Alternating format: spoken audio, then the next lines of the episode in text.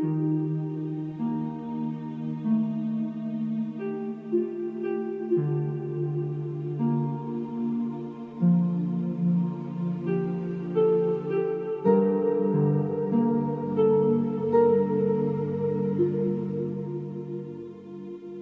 сонсогч таны энэ өдрийн амар амгалан айлтгая. Библийн хуудасаа радио хичээлийн өнөөдрийн шинэхэн дугаар инхүү эхэлж байна. Тэгэхээр шинэ хичээлээ эхлүүлэхээс өмнө өнгөрсөн дугаард үзэж суралцсан зүйлээ товчхон хуваалцъя. Бурхан бол бидний халахвч бамбаа юм.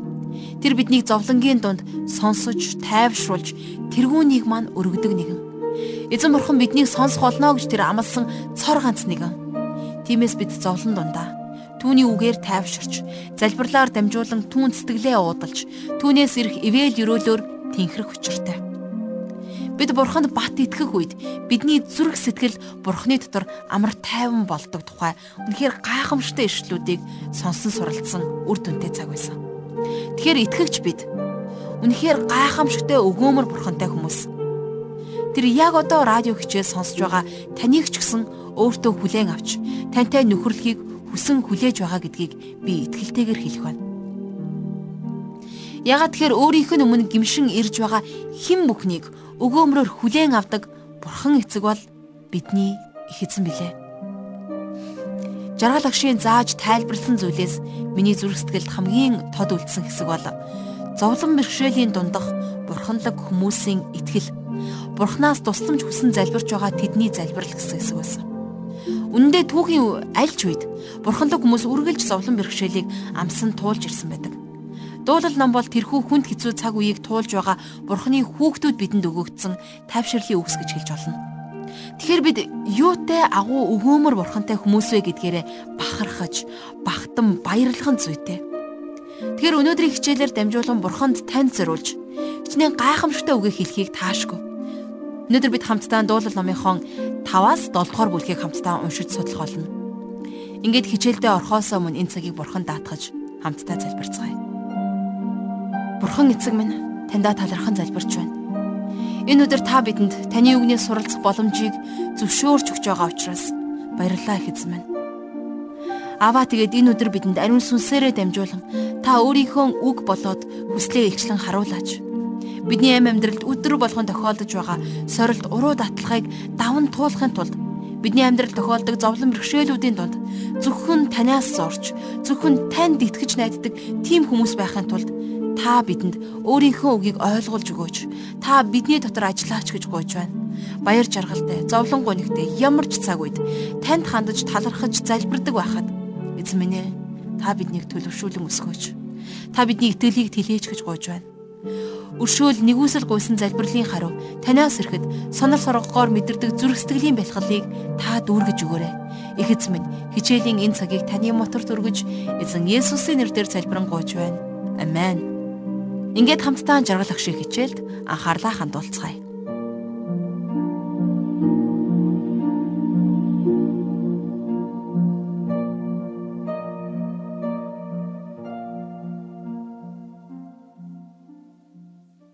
За хамтдаа өнөөдөр дуулал номоо үргэлжлүүлэн 5-аас 7 дугаар бүлгийг судлан үзцгээе. Тэгэхээр дуулал номын 3-аас 7 дугаар бүлэг бол аврагч Месиагийн тухай өгүүлсэн хоёр чухал бүлгийн хоорондох хэлхээс холбоо гэж бид өмнө үзсэн байгаа тийм ээ. Тэгэхээр эдгээр дуулалуудыг бид нэр гурван янзаар тайлж ойлгох боломжтой гэж үзсэн. За энийг би бас танд сануулж хэлье. За нэгдүгüүрт нь мэдээж 3-аас 7 дугаар бүлгийг бид үндсэн тайлал За Давидын амьдрал тохиолдсон үйл явдал гэдэг өнцгөөс харж болно тийм ээ. Харин хоёрдугаарт нь зовлон бэрхшээлийг амсаж байгаа бурханд хайртай Израильчуудын амьдралтай холбож тайлбарлаж болохоор байгаа. За харин эцэст нь гуравдугаарт нь бид эдгээр үгсийг дэлхийн өнцөг булан бүрт байгаа Христ итгэгчдийн амьдралтай холбож ойлгож болно. Тэгэхээр эдгээр дуулууд нь бүгдээрээ бурхны хүмүүс бидэнд үнэхээр гайхамшигтай ивэл болж чаддаг. За өнөөдрийн бидний хамгийн ихэнд үзэх э, дуулал номын 5 дугаар бүлгийг бас л Давид хаан бичсэн байна. За дуулал номын 4 дугаар бүлгийг чавтаст хөгжим зориулан бичсэн байсан болвол энэ удаа 5 дугаар бүлгийг лимб хөгжмөөр тоглох зориулттайгаар бичсэн байна. Давидын хувьд өөрийнхөө дуулалуудыг үргэлж уянгалаг хөгжимтэй хослуулан бичсэн байдаг. За тэрний зохиосон дуулуудыг найрал дууч дуулж, найрал хөгжимчд хөгжимддэг байсан байна. Харин найрал хөгжмийн урд лимбний гоцлол 5 дугаар бүлгийг тоглодог байсан гэсэн үг. Тэгэхээр дуулал номын 5 дугаар бүлэг бол итгэлийн залбирал. Бурхныг хайгч нэгэнд бурхан өмг түшиг, хамгаалагч, за бас шагнагч нь болдгоо гэдгийг мэддэг тийм хүний залбирал. Тэгэхээр 5 дугаар бүлэг бол бурханлаг бус байдал, бузар муу, гин буруугийн тунд бурхныхаа өмнө зөвтөөр зогсохыг хичээгч хүний уйлд залбирал байх нь. Зовлон тунд ямагт хүний төвчээр шалгагдж байдаг шүү дээ. Харин бурхнаас аврал тусламж ирнэ гэсэн бат итгэлээс тисвэр төвчээр баяр хөөр төрж гарч байдаг. За тэгвэл 5 дугаар бүлгийг ерөнхийд нь бас дахиад л өглөөний залбирал гэж нэрлэх боломжтой. За ингээд хамтдаа 1-ээс 3 дугаар ишлэгийг нь уншийе. Эзэн үгэнд минь чих тавьж Ёолхыг минь анхаарч. Хаан минь, бурхан минь, хашгиран тусламж гуйхыг минь сонсооч. Учир нь таньда би залбирнам. Эзэн өглөөд та дуу хоолойг минь сонсон. Өглөөгөр би таны өмнө бараалхан хүссэн хүлээх болноо. Гайхамшигтай. Бид нар өглөөгөр бурханд хандан залбирх нь үнэхээр ивэлтэй. Хүн хэцүү цаг үед бурхны өмнө өглөө эртлэн босоод хүсэн хүлээсэн зүрх сэтгэлээр гуйл залбирлаа өргөх нь бидэнд үнэхээр гайхамшигтай ивэл болдог. Тэгэхээр өглөө гэдэг бол бидний хувьд залбирах хамгийн тохиромжтой цаг гэдгийг бас энд дурдан хэлье. За үргэлжлүүлээ 5 дугаар бүлгийнхээ 4-өөс 7 дугаар ишлэгийг тогтон уншийе. Гин бурууг та үл таалдаг тул муу муухайн тантай хамт ис оршноо. Сагсуурагчд мэлминтэн өмнө үл зогсно. Ёс бусыг үлдэгчдийг та үзэн яддаг та худал яригчдыг устгадаг, цус урсгагч, залилж мэхлэгчдийг эзэн жигшдэг. Харин би таны бялхам хайр инэрлэр таны өргөөнд би орж таны ариун сүмд таныг мэхийн хүнддэг нэ. За энэ бол яахын аргагүй бурханлаг хүмүүсийн доторх тайвшрал байна. Магадгүй та өнөөдөр нийгмээ амьдрал эргэн тойрны хараад урам хугарч болох юм. За магадгүй та яг над шиг эргэн тойронд газар авсаар байгаа бузар муу бүхнийг харахтаа сэтгэлээр унж байж болно. Харин ийм хүнд хэцүү цаг үед бурханлаг хүмүүст ер нь юу тайвшрал болдгийм бэ? Энэ асуултын хариултыг бид эдгээр ишлэлүүдээс харах боломжтой байна, тийм ээ? Юу вэ гэхлээр бурхан бузар мөг үзэн яддаг. Бурханч бас та бидний адил энэ дэлхий дээрх бузар муу бүхнийг харахтаа ойн гутаж байгаа. Бузар муу нь хизээч бурхны таалалд нийцэж байгаагүй. Бурханд итгэдэг бид нар ч гэсэн бас хизээч бозар муутай эвлэрч гар барих ёсгүй. Йохны бичсэн 10 дугаар загтлын 1-5 дээр Бурхан бол гэрэл түүний дотор харанхуй огт үгэ гэж хэлсэн байдаг. За мөн иш үзүүлэгч Хабакукийн 1-13 дугаар ишлэл дээр таны мэлми муу муухайг зөвшөөрч чадхааргүй дэндүү ариун юм. Бузар харгас явдлыг та таашаан харж чадахгүй билээ гэж хүртэл бичсэн байдаг. За магадгүй тухайн цаг мөчид бузар муу амжилт олж байгаа юм шиг харагддаг ч гэсэн худал хуурмаг бузар муугаар амжилтанд хүрэх хүмүүс сүрч устдах тэр цаг гарцаагүй болох болно. Бурхны шудраг шүүлтийн өдөр ирэх болно гэдгийг Бурхан маш тодорхойгоор хэлсэн байна. Тэгэхээр яг тэр цагт бузар муу нь тисч үлдэж чадахгүй болно. За Библийн хамгийн сүүлчийн ном болох Илчлэл номын 21-ийн 8 дугаар ишлэгийг харах юм бол ингэж бичсэн байна. Харин хулчгар, итгэлгүй, жигшүүрт, алуурчд, завхааригчд, мэрэгчд, шүтээнд мөргөгчд болон бүх худалчуудад ноогдох хувь нь хоёр дахь үхэл буюу хүхэр галаар шатаж буй нуур юмаа гэв гэсэн байна. Тэгэхээр Бурхны шүүлт газар дэлхий дээр гарцаагүй ирнэ гэдгийг бид үргэлж санаж байх хэрэгтэй. За 8-9 дэх эшлэгийг хамтдаа харъя. Эзэн Дайснуудын минь улмаас та намайг зөв шударгаараа хөтлөөч. Миний өмнө замаа тэгштгэж. Тэдний хэлж байгаа зүйлсэд итгэх юм юу ч үгүй. Тэдний зүрх сэтгэл нь хорлол, тэдний хоолой нь онгорхой булшим. Тэд хэлээрээ цусарддаг юм а гэж Давид хэлсэн байна. За өөрөөр хэлэх юм бол дайснууд маань намайг хараад байна. Тэд нар намайг бүдэрч унахыг хүсэж байна. Харин би таныг алдаршуулахыг хүсэж байна гэж Давид залбирч байна тийм ээ. Бурхан замын тэгштгэж өөрийн бузар мөн хүмүүсийн өмнө ичгэвтер байдал битгий оруулаач ээ гэж Давид энд залбирэн гуйсан байна. Тэгэхээр дуулал номын 5 дугаар бүлэг дээр хин үгсийг хожим Илч Паул Ром хотынд бичсэн загталтад дурдсан байдаг. За цааш нь харах юм бол тэд хилээрээ зусарддаг гэж хэлсэн. А гэтэл үнэндээ тэдний хэлж байгаа зүйлсэд итгэх юм юу ч үгүй гэж хэлсэн байгаа тийм ээ. За тэгвэл бузар муу хүмүүсийн хувьд үннийг мэддгүү учраас тэдний үг ярианд ч бурхны үнэн өрдөөсөө байдаггүй. Бузар муу хүмүүс бурханлаг хүнийг хавчин гадуурхах үед бурханлаг хүмүүсийн залбирал тэдний хүч чадал нь болдог. За тэгвэл Давид ч гэсэн бас яг энэ хүнд хэцүү цагт бурхандаа залбирдаг байсан. Ингэхдээ тэрхүү бузар муу хүмүүсийн өмнө Бурхныхаа нэрийг гутаахгүй тулд замыг минь шулуун болгож өгөөч ээ гэж залбирсан байгааг бид сая харлаа тийм ээ. За дуулал 5 дугаар бүлгийн 10-аас 12 дугаар ишлэгийг одоо уншийе. Бурхан тэдний гимтэйг тунхаглаач. Төлөвлөгөөнд нь тэднийг унгаач. Өөдөөс нь тэд тэрсэлдэг тул үе олон гимт үйлдэлд нь тэднийг хөөн зайлуулаач. Харин таны нөмөрт хорогдогч бүгд баяр хөөртэй байж Та хамгаалсан учраас мөнхөд баярлан дуулаг. Таны нэрийг хайрлагчид танд баясна. Учир нь зөвхт хүнийг өрөөдөг нь эзэн та билээ. Бамбайгаар халахлах мэд таалалт нь түүнийг хүрээлнэ. За 10 дугаар ишлэл дээр дайснуудыг нь унгааж өгөхийг бурхнаас гуйсан байгааг бид сайн уншлаа. За энэ бол дуулал номон дээрх хамгийн ихний дайсныхаа сүрлийг гуйн залбирсан гуйлт. За бид нар энэ сэдвээр дараа нь нэлээд дэлгэрэнгүй ярилцах болно. Давидын хид хідэн залбирал дээр Давид бурхнаас шудраг ёсыг гуйж говьшин залбирсан байдаг. Ингэхдээ шудраг ёсыг тогтоохын тулд бурхныг хөндлөнгөөс оролцооч ээ гэж гуйсан байдаг. Тэгэхээр иймэрхүү залбирлуудыг харахаар зарим нь нилээд тийм хатуу ширүүн гимээр хөнгө аястай байна. За иш үзүүлэгч Исаи ч гэсэн бас яг ийм залбирлаар залбирдаг байсан. Тухайлах юм бол Исаи номын 64-ийн 1-ээс 2-ыг харах юм бол ингэж бичсэн байгаа. Аяа та Тэнгэрийг яран доош бууж ирвэл оршихуйдтай нь уулс дөргин чичрэгсэн.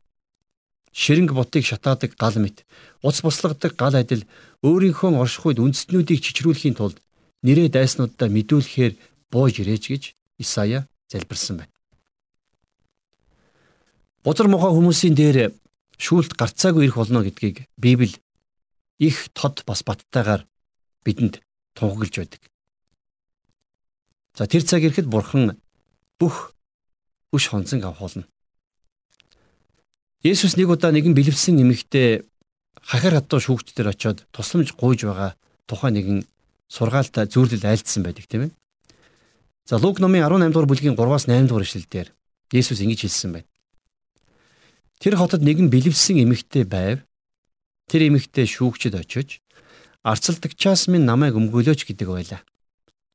Шүүгч туслахыг удтал хүсээгүй боловч дараа нь өөртөө хэдийгээр би бурхнаас имээдэггүй. Хүмүүсийг хүндэлдэггүй боловч энэ эмэгтэй амар заяаг нь үзүүлэхгүй.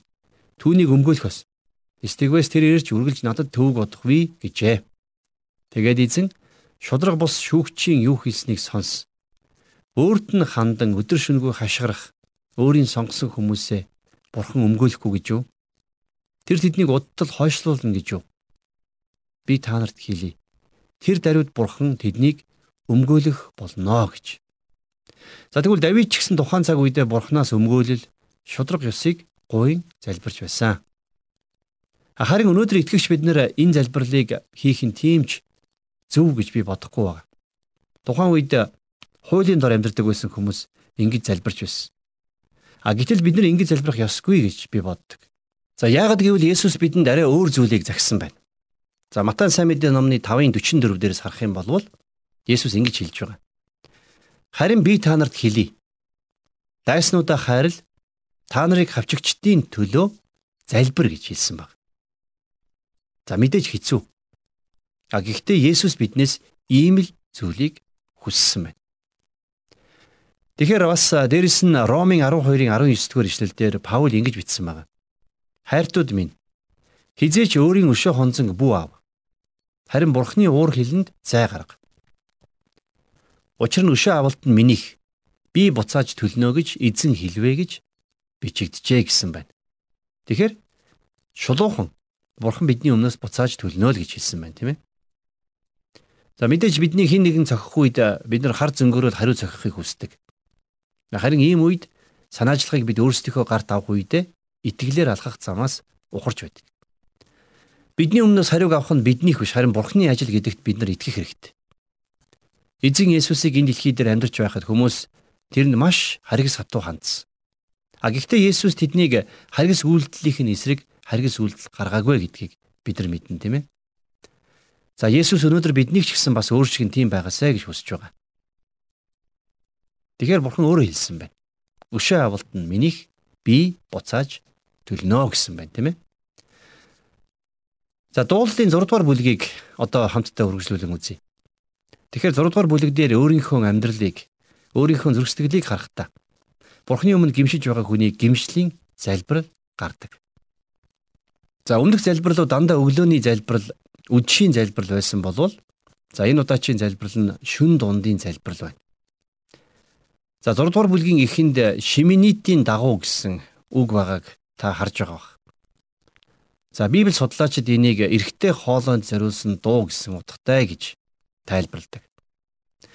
За дуул номын 5 дугаар бүлэг Бурханаас шудраг ёсыг хүссэн залбирал байсан болвол за харин 6 дугаар бүлэг Бурхны өмнө өршөөлийг хүссэн гимшиж байгаа хүний гимшлийн залбирал юм.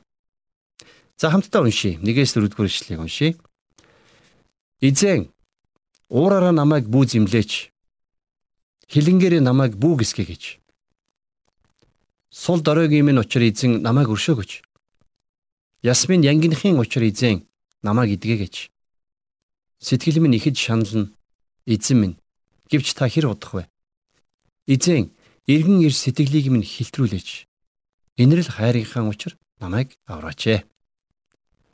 За энэ бид нэр Бурхны өмнө гим нүглээ гимшиж байгаа хүний чин сэтгэлийн гуйлтыг харлаа. Тэгэхээр бид өөрсдийнхөө сул дорой байдлыг олж харах яг тэр үед бид өөрсдийнхөө жинхэнэ бодит дүр зургийг олж хараад өөрийн ирэхгүй гимших Бурханаас зурах сэтгэл бидэнд төрж байдаг. Харин бурхан гимссэн зүрхсэтгэлээр өөр дээр нь ирж байгаа хүмүүсийг ямагт хайраараа угтан авч байдаг. За 6 дугаар бүлгийн 5-аас 7 дугаар ишлэл. Үхтэл нь таныг үл дурсна. Үхэгсдийн оронд хин тань талархах вэ? Ёйлолдоо би туйлдав. Хайлалдаа ормын шүн бүр живнэм. Нулимсанд нэвчив дэвсгэр минь. Гашуудлаас болж нүдний минь гал бөхөв. Өснүүдээс болж нүд минь харанхуйлваа. За энэ болвол нэг талаасаа Давидын дүр зураг байсан ч гэсэн нөгөөтэйгөр бид энийг Есүс Христийн дүр зураг гэж ойлгож болно. Энэ бол өнөөдөр энэ дэлхий дээр бас итгэлийн амьдралаар амьдрах гэж зүдэрч яваа та бидний ч дүр зураг мөн. Энэ бол цөхөрсөн зөрсдөлийнхин гүнээс тусламж гуйн хашгирч байгаа тэр залбирал. Сул дорой биднийг зөвхөн бурхны өршөөл нэгүслэл аврах боломжтой. Харин бидний бурхан бол өршөөл нэгүслэр баян. Өнөөдөр биднэрт ямар ч гавьяа байхгүй учраас бидэнд зөвхөн бурханы өршөөл нэгүслэл хэрэгтэй. Исаи номын 52 дугаар бүлгийн 14 дугаар ишлэлдэр Есүсийн тухай зөвгнөн өгүүлэхтэй. Төрхөн альва хүнийхээс галбир нь хүний хүүгүүдийнхээс илүүгээр зэрэмгэлүүлсэн тул олон хүн түүнээс болж хэртхийв гэсэн байна. За мөн дуулалтын 69-ийн 3 дээр хашгирсаар байгаад би ядарчээ. Хоолой минь хатжээ. Бурхнаа хүлээсээр нүд минь гархилжээ гэсэн байна. За бас дуулалтын 42-ийн 3 дээр хүмүүс надад чиний бурхан хаана байна гэж өдөржин хэлэхэд нулимс минь өдөр шөнөгүй миний хоол болов гэсэн байна. За бас дуулалтын 38-ийн 10 дээр зүрх минь давчтаж, чадал минь алдарч, нүдний минь галж бүхчээ гэсэн байдаг болвол Дууллын 88-ын 9 дээр зовлон зүдүүрээс болж нүдминч сулдна. Аяа эзэн би таныг өдөр бүр дуудана. Би тань руу гараа сунгана гэж бичсэн байна. Тэгэхээр энэ бүх ишлүүдийг харах юм бол эдгээр ишлүүд дээр Христийн идэлх ёстой байсан тэр зовлонг зөвгнөн иш үзүүлсэн байгаа биз?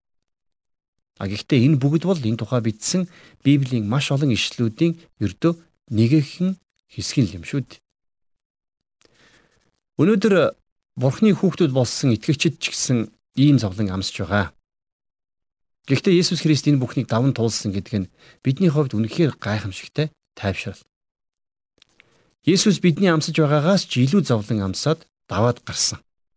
Тэм учраас тэр та биднийг тайвшруулж чаддаг. Ийм гайхамшигтай аврагч. За үргэлжлүүлээд 6 дугаар бүлгийн 9-с 10 дугаар ишлэгийг уншъя. Ёс бусыг үлдэгчид та бүгд надаас холд. Учир нь эзэн миний уйлын гингних дууг сонсов.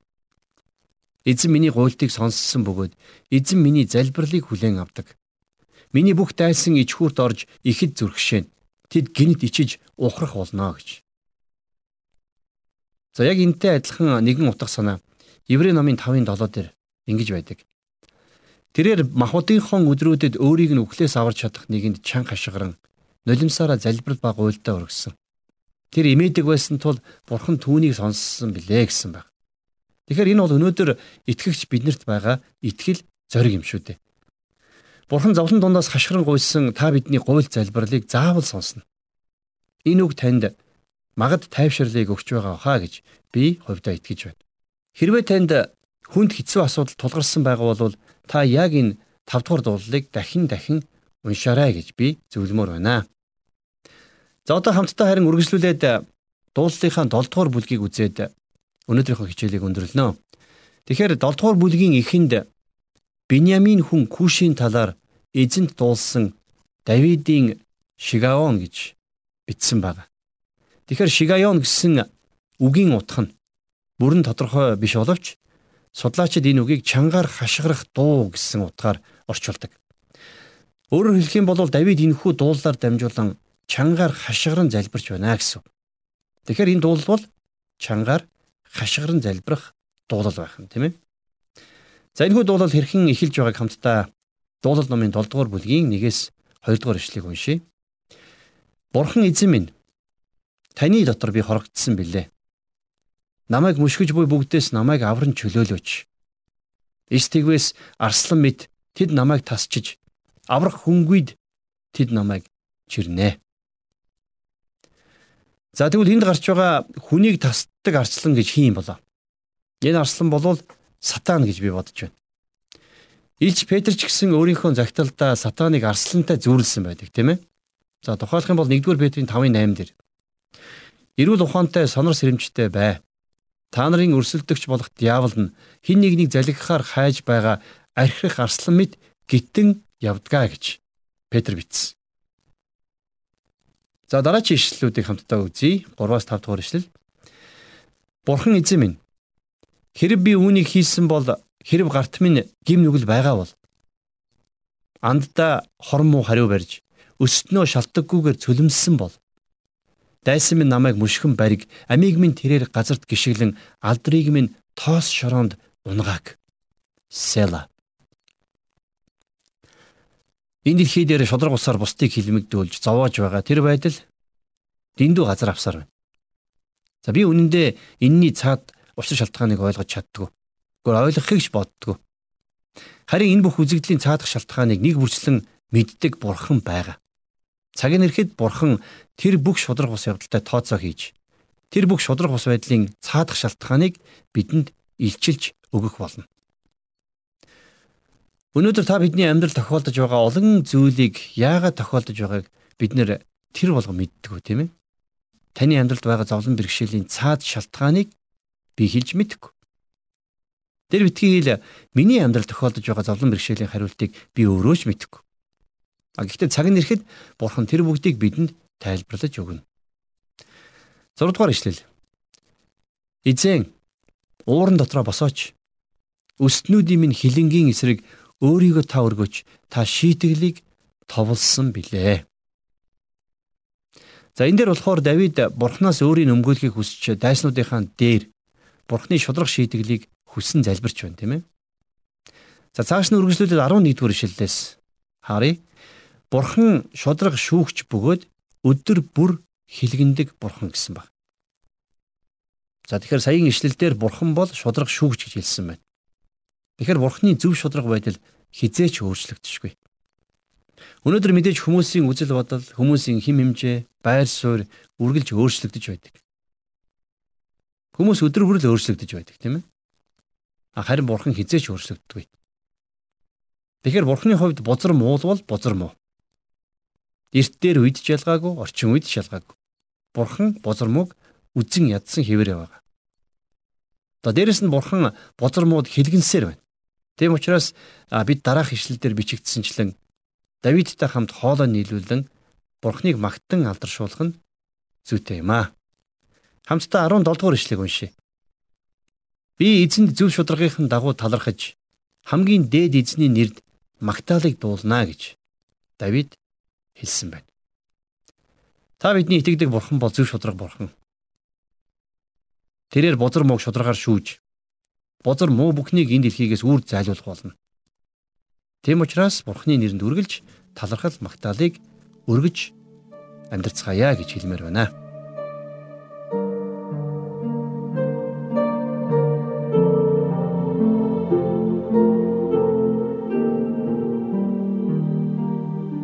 Тэгэхээр өнөөдөр бид бурханлаг бус байдал, бузар муу, гим нүглийн дунд бурханыхоо өмнө зөвтөөр зогсохыг хичээгч хүний гуйлд залбирлыг сонсон суралцлаа. Зовлон дунд ямагт дэвчээр шалгагдаж байдаг. Ямар ч нөхцөл байдалд Бурханаас аврал тусламж ирнэ гэсэн бат итгэлээс төсвөр төвчээр баяр хөөр төрөн гардаг нь үнэхээр гайхамшигтай. Итгэгч бид амьдарч байгаа нийгмийнхээ шудраг биш байдал, гим нүгэл, бузар муугийн эсрэг залбирах залбирлаа хизээж зогсоох учиргүй. Таны зүрхсэтгэлээрээ нэгдэж залбирсан тэрхүү залбирал бүрийн хариу заавал ирэх болно гэдэгт та итгээрэй. Яагаад тэгэхээр үүрээр бурханд хандан залбирах нь үнэхээр ивэлтэй болохыг бид өнөөдрийн хичээлээс сурч мэдлээ. Хүнд хэцүү цаг үедээ бурхны өмнө өглөө эртлэн босоод хүсэн тэмүүлсэн зүрх сэтгэлээр гуйлд залбирлаа өргөх нь үнэхээр гайхамшигтай ивэл авчирдаг. Магадгүй та ингэж залбирсан залбирлынхаа хариуг өнөөдөр ч гэсэн авсан байх боломжтой. Тэгэхээр өглөөний залбирал бол бидний итгэлийн амьдралдаа ус агаар шиг байлгах ёстой чухал залбирал болохыг та одоо мэддэг боллоо. Энэ бол үнэхээр танд зовлон бэрхшээл, хавчлага дарамтны донд байх үед урам зоригийг өгч чадах тийм л онцгой цаг үе. Тэгэхээр сайтар тэмдэглэж авч цээжнийхээ самбарт хадаж өлгөөрэй. Бурханд хандан залбирах бидний залбирал зөвхөн өглөө үдшийн залбирлаар дуустдаггүйг мөн харцгаасан. Шүн дундаж ч гэсэн итгэгчд залбирсаар байдаг. Хэрвээ танд Бурханы хувьд уучлагдшгүй гимнүгэл байдаг бол түүнээс өршөөлийг хүсч шүн дунд ч гэсэн гимшин залбирах хэрэгтэй. Бид өөрсдийнхөө сул дорой байдлыг олж харах үед бид өөрсдийнхөө жинхэнэ бодит дүр зургийг олж харах үед бидний дотор өөрөө ирэхгүй гимших бурхнаас зуурах сэтгэл төрдөг. Яг тэр үед нойр хулжиж шаналсан зүрх сэтгэлээ уудалж бурхны өмнө очиж гимшиж залбирснаар тайвшрлыг бид олж авах болно. Бидний бурхан эзэн гимшсэн зүрх сэтгэлийг өөр дээр нь ирж буй хүмүүсийг үргэлж хайраараа угтаа авдаг. Тэр таныг угтан авахдаа чин сэтгэлээсээ баяртай байх нь гарцаагүй. Мөхс сул дорой биднийг зөвхөн бурхны өршөөл нэгүсэл аврах болно. Тийм ээ, түнэр харанхуйн дунд, гим нүглийн дунд эзэн бидний бидэрч ядарсан зүрх сэтгэлийг өөрийнхөө хайрын дулаан тэрвэрт хүлээн авдаг юм аа. Яагаад тэгэхээр бурхан бол өршөөл хайрын бурхан. Өнөөдөр бид ямар ч гавьяа шагнал байхгүй байсан ч гэсэн зөвхөн бурхны ивэл өрөөлөл бидэнд хэрэгтэй. Энэ хүрээд өнөөдрийн хичээл маань өндөрлөж байна. Хамтдаа бурхан эцэгтэй дуулал номын энхүү гайхамшигтай илчлэлт иршлүүдийн төлөө талархаж залбирцгаая. Бурхан эзэн минь таньда талархал өргөн залбирч байна. Та энэ цагт өөрийн үгээрээ дамжуулан бидэнд урам зориг өгч байгаад баярлалаа аваа. Бид таны өмнө зовлон бэрхшээл дундаас хашгиран гуйн залбирч байхад гим нүглээ уудлан гимшиж улайж байхад сул дорой байдлаа өчн өргөж байхад та биднийг сонсож, биднийг тайвшруулж, биднийг тэнхрүүлдэг учраас танд бүх алдар магтаалыг өргөе. Их эзэн минь ээ, дуулал номыг бичсэн Давид хаан ч гэсэн эзэн бурхныхаа нэрээр тэнхээжин болсон шиг эзэн бид өөрсдийнхөө бурхны нэрээр таны мөн чанараар таны гайхамшигтай үг хийгээ сургаал тушаалаар таны хайр ивэлээр бид тэнхээжин босхийг хүсэж байна. Хэдийгээр бидний эргэн тойронд шудраг бос зүйл газар авч байгаа ч гэсэн та тэр бүхнийг шударгаар шүүх учраас танд талархлыг өргөе. Таны зөв шудраг нэрэнд үргэлж магтаал талархлыг өргөн амьдрахад та бидэнд туслаарай. Та бидний амьдралыг өөртөө авч та бидний амьдралын өдр хоногудаар бүхий л оюун ухаан хийгээд үйлс хандлагаар дамжуулан таны гайхамшигтай нэр алдарш болтугай. Бүх зүйлийг танд өргөж эзэн Есүсийн нэрээр залбирanгуйж байна. Амен.